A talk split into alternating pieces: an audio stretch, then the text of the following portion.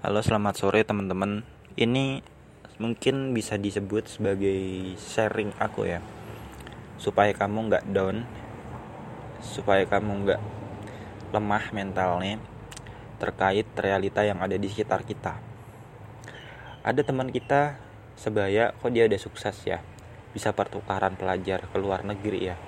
Punya banyak uang ya. Kok dia udah bisa hafal Quran ya? Udah punya pacar ya bahkan nikah muda. Kok aku masih gini-gini aja? Kok aku masih bergantung sama orang tua? Aku belum bisa punya uang sendiri. Aku belum bisa bagian orang tua. Aku belum.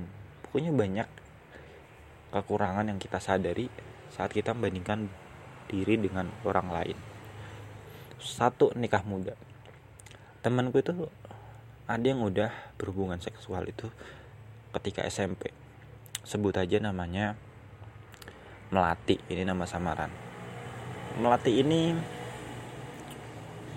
dia mungkin terjebak pergaulan bebas akhirnya ketika kita kelas 2 SMP ya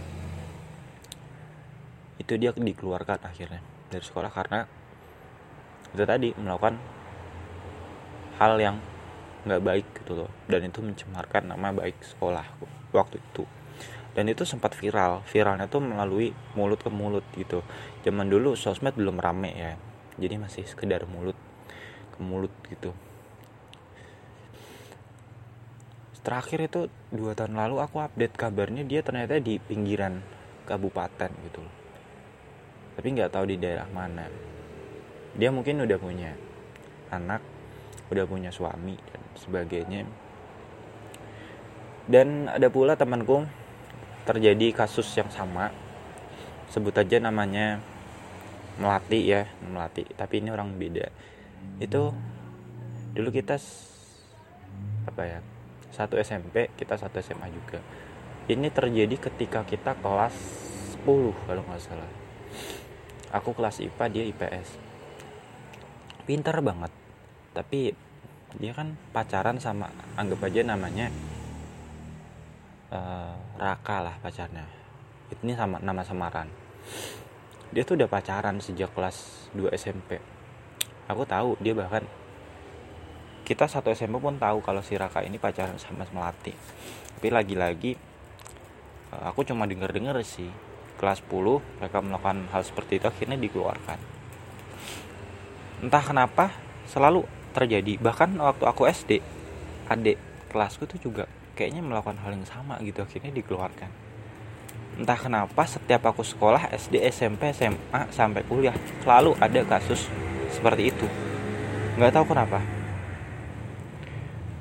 Jangankan pedesaan bahkan kampus-kampus yang elit pun bisa terjadi hal seperti itu. Kasus pelecehan seksual itu marak terjadi dan sebagainya. Teks sexting atau melalui pelecehan seksual verbal dan sebagainya itu banyak banget terjadi. Yang mungkin nggak terekspos aja gitu loh. Yang mungkin lolos dari CCTV atau apa. Tapi yang terjadi di sekitar kita ini banyak banget kasus hal seperti ini. Kembali ke awal tentang hubungan ya. Nggak usah iri sama teman kita yang udah misalnya nikah muda lah mereka punya anak. Aku tuh punya kakak tingkat ya. Sebut aja namanya Mawar gitu. Ini nama samaran dia kakak tingkatku 2018 satu tingkat di atasku perempuan. Orangnya aku nggak begitu kenal sih. Tapi sekilas dia mengikuti organisasi yang ter dan akhirnya apa? Setelah wisuda ya wisuda itu Agustus dua bulan atau tiga bulan berikutnya mereka menikah gitu loh. Jadi dalam satu organisasi itu mereka suka saling suka merasa cocok merasa jodoh udah akhirnya nikah. Satu tahun di atasku doang loh. Artinya kalau aku umurnya dua dua dia dua tiga bayangkan dua tiga tahun. Oh waktu itu dia dua dua dua dua tahun udah nikah. Kita iri. Iri sama dia yang udah nikah. Kok aku masih single ya punya pacar aja susah.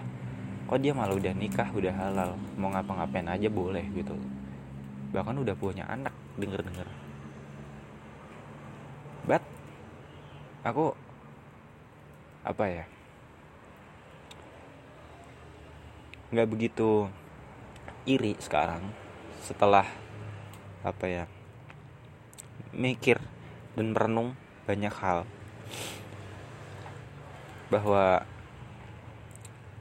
hidup ini tuh nggak akan selesai kalau kita cuma banding bandingin kita tuh nggak akan tuntas hidupnya ketika kita melihat orang lain kayak selalu di atas kita tuh nggak akan selesai. Ingat pepatah bahwa di atas langit masih ada langit. Ya. Kita jangan pernah merasa paling hebat atau merasa paling rendah. Kita ada di tengah-tengah semuanya orang yang kita anggap hebat itu banyak banget yang lebih hebat dari dia. Contoh deh mau di Ayunda. Apa yang kamu lihat dari dia? Oh dia sekolah di luar negeri. Jodohnya orang luar negeri pendidikan. Sejak kecil dia udah jadi artis followersnya banyak.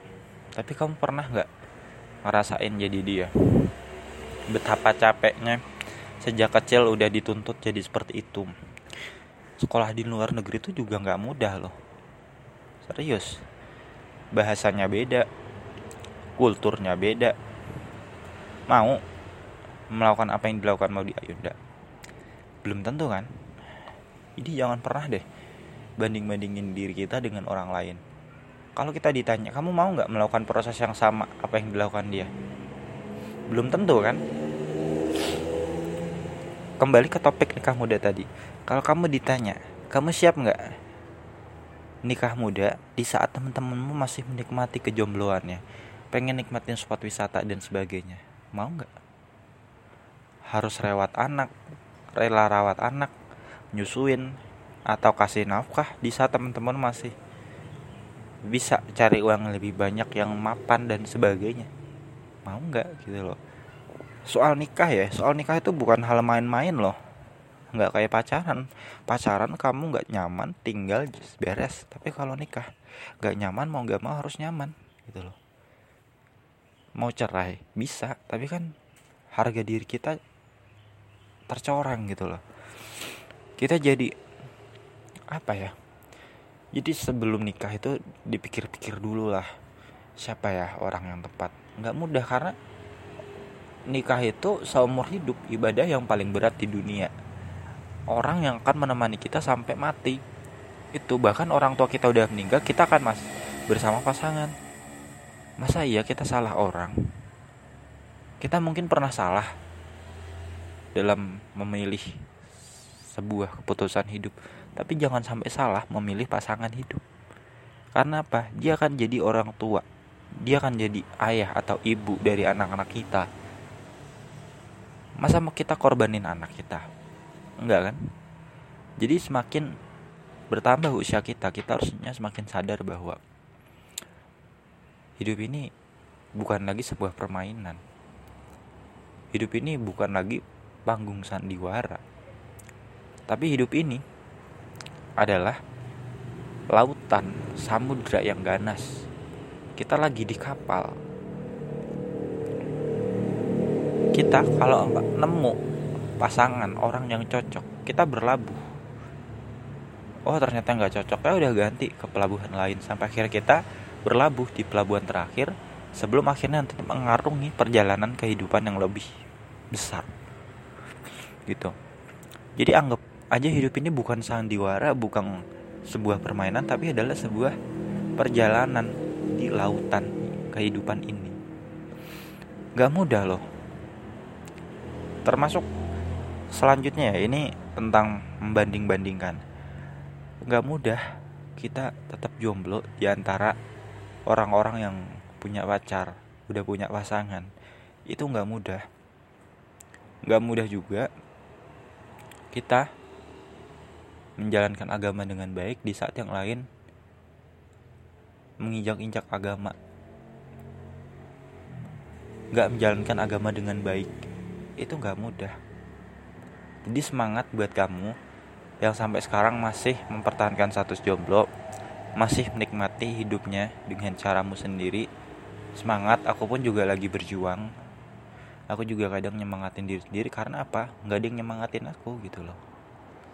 Ya udah itu aja. Semoga bermanfaat